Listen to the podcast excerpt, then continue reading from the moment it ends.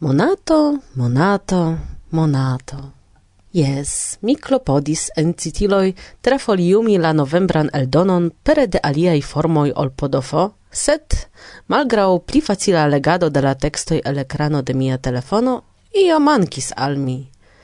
Eble do, cara Paulo, Kvankam ni diskutis dum la redakcia renkontiĝo pri pezaj kostoj por via redakcio, ni petos, ke Irek sendu al vi adreson por surgenuoj mi havu la paperan version.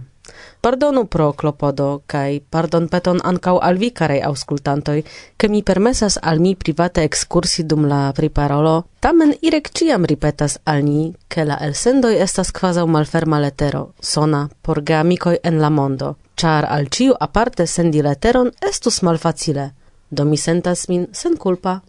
Saluton do Paulo, kai saluton al ciui, kiui sendube pli diligente ol nia podcasta redakcio laboras por la sekvaj eldonoj de tiu utila kai interesa revuo en nia kara lingvo internacia. Do, ne vere pli ripoza, sed tamen ci foje pli contenta pro sufiĉe da tempo giui la enhavon de la novembra eldono, kai kio tui turnis mian atenton estis du malsamaj opinioj pri unu fama forpasinta laste rusa politikisto, tre populara ĉi tie, sed mi supozas ke ankaŭ ĉe vi. Temas pri Mikaelo Gorbaĉov. Kaj komence mi miris, char ciam mi audis che en Rusio li ne gainis simpation de la popolo, che spite al onidiroi anca ruso rimarkis lian contribuon au provon almenau iom demokratigi Sovetunion cae reale doni eblon respondeci pro sia lando al giai civitanoi. En tre interesa priscribo de Mikhailo Gorbaczov, Alexei Salomatov scribas – Estas politikistoj ŝajne gravaj dum sia epoko, kiuj poste montriĝas en historia perspektivo malgrandaj sensignifaj.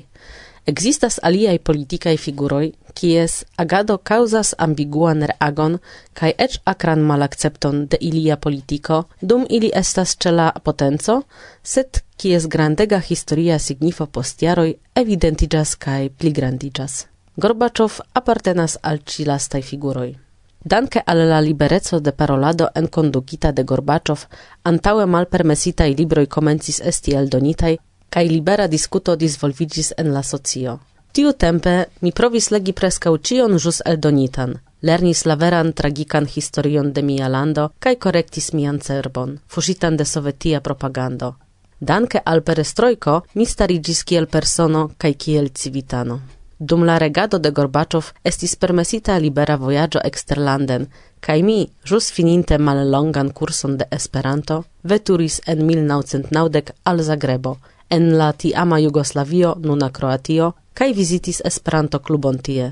Tiu estis mia unua parol-praktiko kaj ĝi inspiris min. Prezentado de sukcesoj kaj malsukcesoj de Gorbaczov estas longa.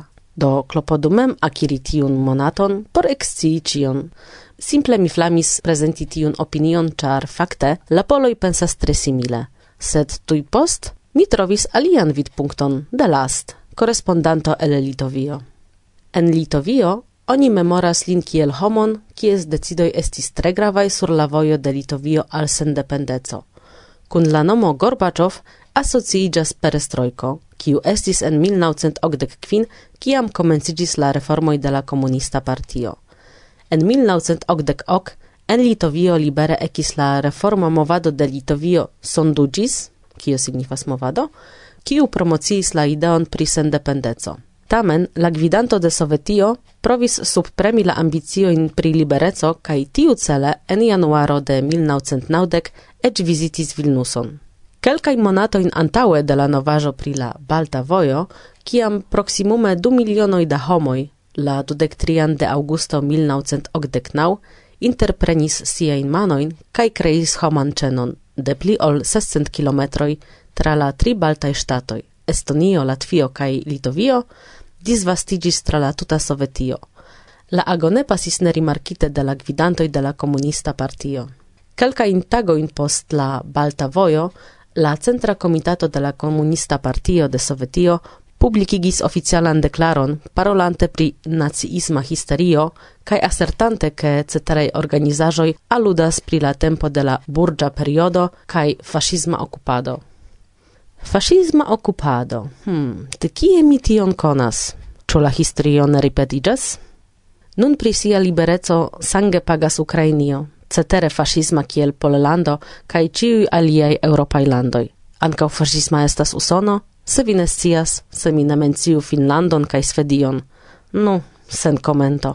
Sed tamen el la vidpunkto litova multe mi eksciis pri faktoj, pri kiuj antaŭe mi ne sciis. Mi rekomendas ankaŭ tiun artikolon. La plej granda fraptitolo de la novembra eldono estas Forpasis la avinio. Jes, la fakton rimarkis ŝajne ĉiu en la mondo, tiu tre simpatian reginon, kiu ancau pro sia agado dum la dua montmilito estimas ancau la poloi, presentas Tom Sullivan, kiu en sia articolo serchas respondoin inter alie al demandoi. Kia estas la nova monarchio pos la Elizabeta epoko? Ancau tiun articolon mi rekomendas. Tamen ne nur pri funebra estas tiu monato. El gi oni povas exci inter alie novajoin el Cilio, en articolo ne alla nova constitucio. El Corsico, ĉu la insulo vojas al autonomeco? El Italio, batalo por la raito morti. Sed ancau Gosia, kiu netro interesigas pri politico, trovos en gi du eseoi, kiel ecas milito kai tumultoi pro ciu tagai zorgoi. Krome prezento de libroi, antologio de la estonteco kai estas krokodiloj, ne nadu citie. Irek sendube juis artikolon unikaj ornamaĵoj el plantaj semoj, ĉar kiel ne rigardi, pri plantoj vere li interesiĝas. La kristanoj ĝuos raporton en Slovakio, lasta pilgrimado de la kardinalo, kaj mi antaŭ mi ankoraŭ kelkaj artikoloj. La unua, post tiuj kiujn mi legis, estas el Francio, historia castello comercas. Mi supposas che ne temas pri Graziliono, sed kiu scias. Ancora ugin mi ne legis, sed construajo sur la foto presentas iom pli imponan castellon ol tiun konatan, ne nur inter la franca esperantistoi. Nu, ek al la legado de cio, cae al vi, carei auscultantoi, mi desiras cion la plei bonan, kun au sen monato. Kvankam kun, vi ne sentos vin, kiel cantas Kimo. Solaj, solaj. Dankon, Agnieszka.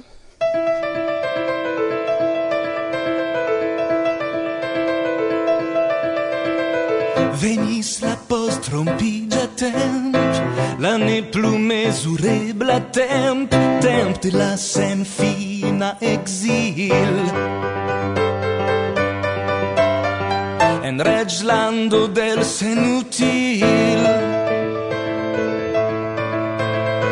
Venis la post rompigia temp, sed mi transaltis ciuin remparoin tiuin baroin Oculoi miai secigis kai Mi ne plu attendas vin sur la cai. Venis malliberezzo danca la grattado de la manc Igis captil per iu truc La antaue mil dalit venis mal liberezzo dan calvi, sed mal plenas iera coro.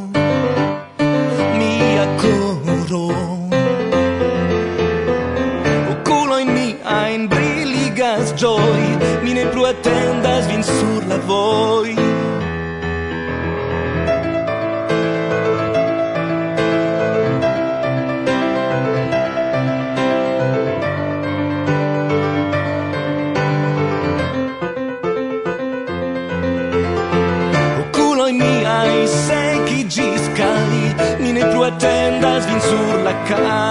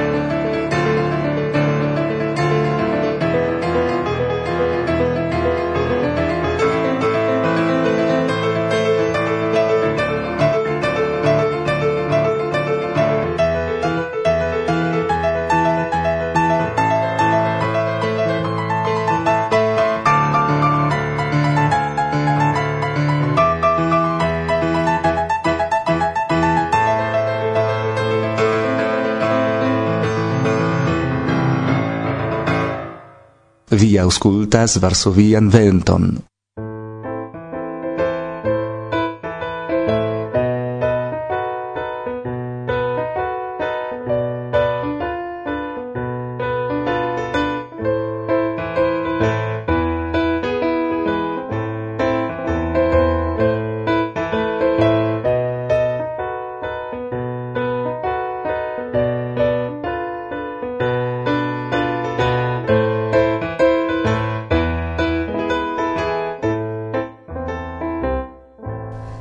La musoi de Dino Buzzati e la itala traducis Istvan Ertl. Cio farigias pri miai geamico e corio? Cio ocasas en ilia malnova campara somerdomo la doganella? De postempo ne memorebla, ciun someron ili min invitis por quelcae semainoi. Ciare, la unan foion ne. Giovanni senculpige sendis al mi quelcaen linioin, stranga letero kiu svage aludas al iui malfaciloi au chagrenoi familiai, sed nenion vere clarigas. Kiom da gioiai tagoi mi pasigis ce ili en la arbara solezzo. El miai malnovai memorajoi unua foie nun elaperas etai factoi kiui sia tempe impressis banalai au indifferentai, sed jen subite riveligas. Exemple, Eliu Fora Somero, sufice longe anta la milito, duan foion mi tiam gastis ce la familio Corio, revenas al mi iena sceno. Miam retirigis en la chambron ce angulo de la dua etaggio, cun rigardo alla giardeno, anco en la posta iaroi mi ciam dormis tie, cae mi preparis min al enlitigio. Tiam mi audis etam bruon, ian gratadon sub la pordorando, miris malfermi, malgrandeta muso traglitis inter miei gamboi, trairis la chambron, cae cascis sin sub la comodo. Gi curis plumpe, mi povus tutte facile gin dispremi, sed tiom charma cae vundebla gi aspectis. La posta matenon mi hazarde menciis la feron al Giovanni. Nu yes, commentis li distrite, foi foie videblas muso in la domo ja, estis museto tiel malgranda, mi ec ne curagis, ec, je, je, jes, jes, mi povas imagi, sed ne zorgu. Li changis temon, shaine ne tro apresante miaen vortoen. En la posta jaro, iun vesperon ni ludis cartoen. Estis circa noctomeso cae duonu, ciam el la apuda chambro, facte la salono, cie tiam ne plu lumis lampoi, audigis clac metala bruo quasau de risorto. Cio estas tio? Mi demandas. Mi audis nenion, diras Giovanni eviteme. Elena, ĉu vi audis ion? Mine, respondas la edzino, iom rugigiante. Cial? Mi diras, al mi shainis che en la salono iu metalezza bruo mi rimarcis mildan embrasigion. Bone, ciu mia vizzo disdoni la cartoin? Ec ne dec minutoin poste audigas nova claco, si foie el la corridoro, accompagnata de mallauta cirpo kiel de besto. Diru Giovanni, mi diras, ciu vi locis captiloin por musoi? Ne, lau mia zio, Ciu ne, Elena, ciu, ciu iu metis captiloin? Cai si, ciain ideoin vi havas, certe ne indus por tiel in musoi. Passas jaro. En irinte la somerdomon, mi tui rimarcas du mirindain catoin, extraordinare viglain, el spezzo cun strioi, svele muscolain, cun silca felo, cian havas catoi ciui sin nutras per musoi. Mi diras al Giovanni, ha, do vi decidigis fin fine, mi imagas ciel abunde ili sin regalas, citie musoi an nem mancas. Male, diras li vere nur for foie, se citiui devus viftenis in nur per musoi, sed mia vida ilin bele grassae tiuin catetoin, no, certe, ili bonfartas, ili ne povus pli bone prosperi, en la cui ideo ili trovas cium bonajon de Dio. Passas plia iaro, ca ciam mi alvenas en la somerdomon por mia cutima feriado, jen montrigas de nove la ducatoi, sed ili certe ne aspectas kiel antaue, ne pluviglai cae agemai, set palai, caducai, magrai, ili nun ne zigzagas fulme de unu chambro al alia, male, ciam ili restas inter la gamboi de la mastroi, dormeme sen aina iniziatemo. Mi demandas, ciu ili malsanas? Cial do tiel miserae, ciu ne plu havas musoin por mangi? Eh, vi diris mem, respondas rapide Giovanni Corio, neniam mi vidis catoin in stultain, Ili pautas de ciam ne plu estas muso en la domo, ne restis ec unu semo. Contenta li eligas grandan ridon. Poste Giorgio, la grandeta filo, vocas min flanken cun complota mieno. Ciu istias la cialon. Ili timas. Ciu timas? Cai li, la catoi, ili timas. Pacio ne volas che ni parolu tio, vere genas lin la afero, sed Estas sendube che la catoi timas. Timas ciun? Nu, ia la musoin. Ene de unu iaro, el deco farigis cento da tiui bestaccioi, cae ne plu ciel antavai musetoi, ili aspectas ciel tigroi, pli granda sol talpo cun hirta felo cae nigra coloro. Ali vorte la catoi ne curagias ataci ilin. Cae vi faras nenion pritio? Nu, io non i devus fari, sed pacio neniam decidigas. Mi ne comprenas kial, sed na pli bone ne tuŝi la temon, ĉar li tuj nervoziĝas. Kaj la posta jaron, jam dum la unua nokto, ecas tia bruego super mia chambro, quasau homoi curadus tien reen. Puf, pum, ta, ta, ta! Magra che mi tutte bone scias che neniu povas esti tie supre, en la nelogiata subtegmento, kie staras nur malnovae mebloi orchestoi cae simile. Diable, kia galopado, mi pensas. Tiui musoi vere devas esti grandai. Tiom da bruo, che mi endormigas cum peno.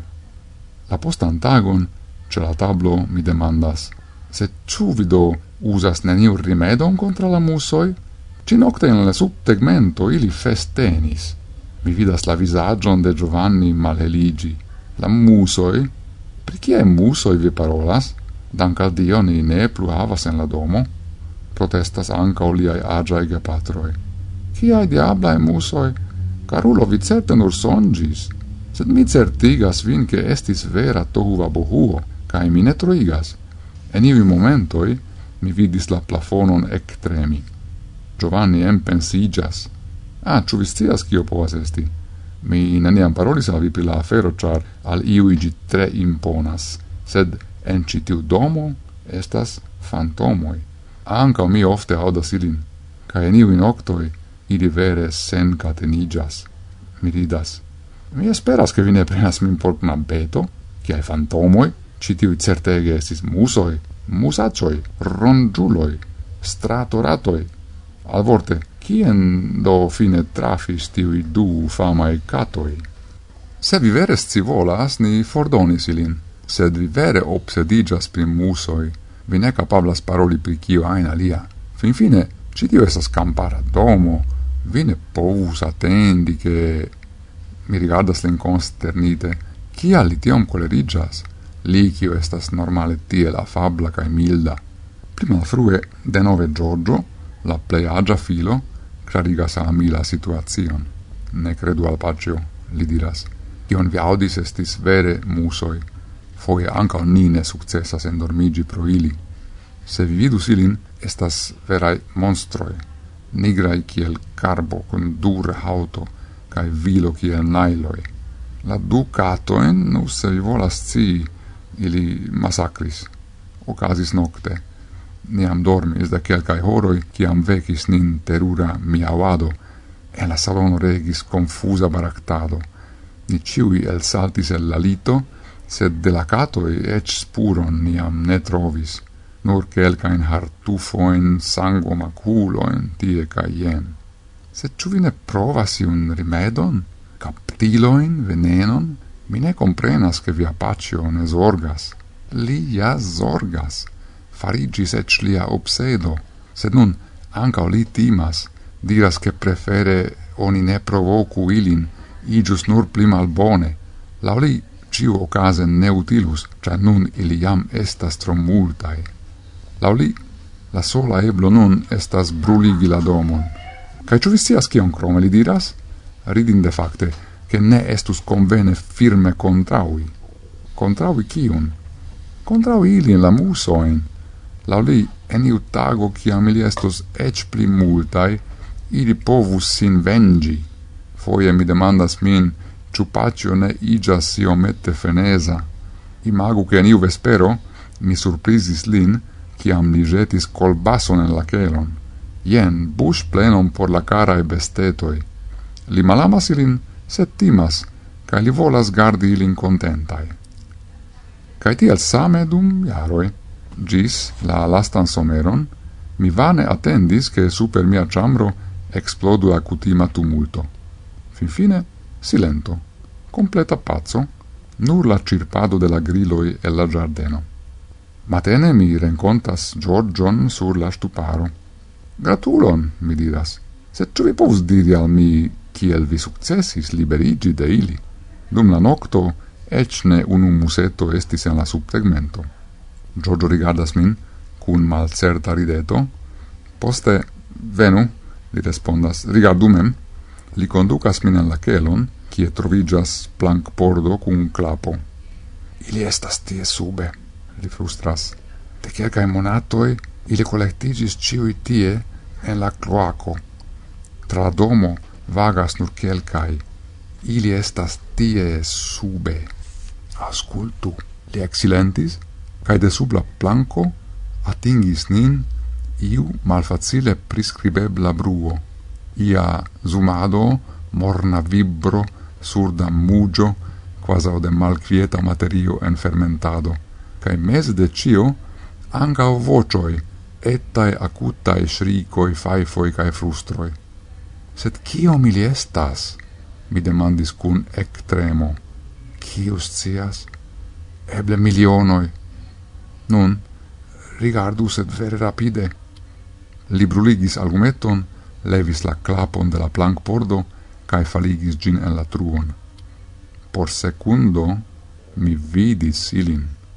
En iaspezza caverno frenesa svarmato de nigrae formoi cun amasigintai en baracta cirlado, ca in tio abomena tumulto en estis tia potenzo, tia infera vivo volo, che tiuin neniu plu altigus. La musoi mi vidis anca flagroin de pupiloi, miloi cae miloi, supren al mi, cun malizza fix rigardo. Se Giorgio refermis la clapon cun obtusa fal bruo. Cae non, cial Giovanni scribis che li ne plu povas min inviti, cio ocasis? Mi sentas tenton visiti lin. Sufficius quelcae minutoi nur por scii, sed mi confessas che mi ne curagias. El diversae fontoi venis al mi strangai sciigoi, tiom strangai, che la homoi trasdonas ilin quasau fabeloin, cae ridas, sed mi ne ridas. La homoi racontas exemple, eh, che la du agiae gepatroi corio mortis, ide racontas che neniu plu eliras el la domo, cae che la mangiajoin iu loculo alportas, lasante la pacon je la arbar rando Ili racontas che neniu plu povas eniri en la domon, kion occupis enormai musoi, cae che la familio Corio ilin sclave servas. Camparano kiu al proximigis, sed ne tre, char sur la soilo de la domo deco da bestaccio staris en minazza poso, racontas che li por momento equidis Elenan Corio, la edzinon de mia amico, citiun mildan cae amindan estajon. Si staris en la cuireio. Apud la forno, ci fone vestita, chirlante in grandega caldrono, dum circa sci grege svarmadis fettora musaro, urgiante sin mangia vide. Si aspectis la cega, cae tre trista.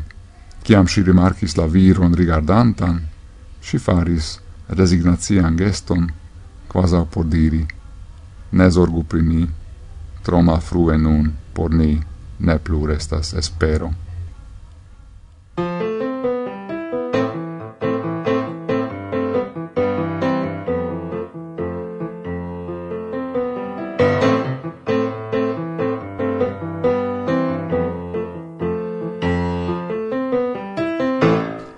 Kai tiel ni venis al fino de la programo. Giomon, dank al sugesto de nia auscultanto, ni presentis famo, pri kiu certe mi ne forgesos nun, estos presentota. Dankon, eh, Joakimos, mi bone prononcas vian nomon, ke vi auscultis atente kai metis vian sugestan komenton. Vi povas senti, ke tiel vi pagis pro la elsendo. Ah, yes. Fakte tiu, kiu komentas au almena usat klakas en Facebooko, quasau tiel pagas pro nia laboro, ču? Kompreneble.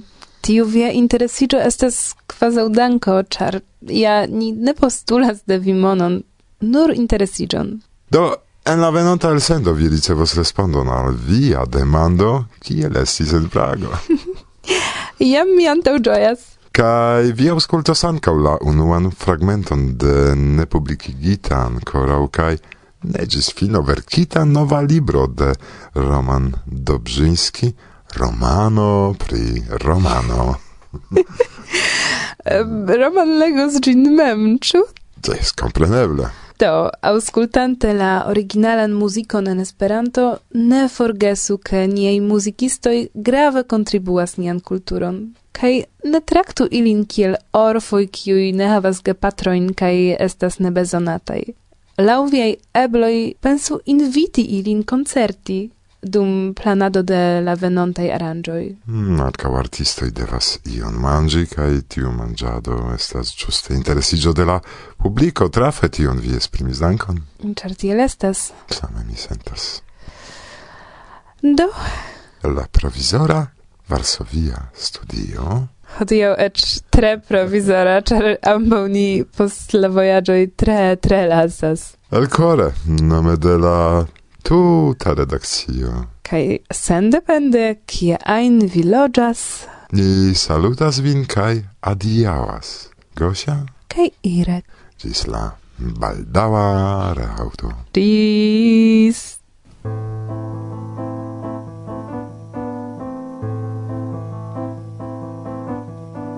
Estas strange. Mi ne scias kio okazas al mi ĉi vespere. Mi rigardas al vi Quosa estas la unua fojo.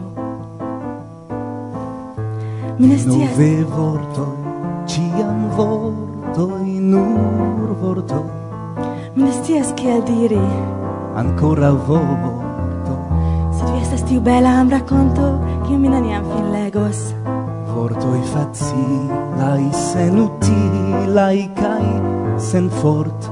Vi estas hieraua, cae morgaua. Tutte sen fort mia chiama nura vero. Estas finita mia revo Sciu che ne estas devo Pri sekvu. Vi similas alla vento Kiu cantigas violonoin Kai for portas parfumoin de la rosoi Caramel, bombonoi, cioccolato Cacfoia mi ne comprenas vin.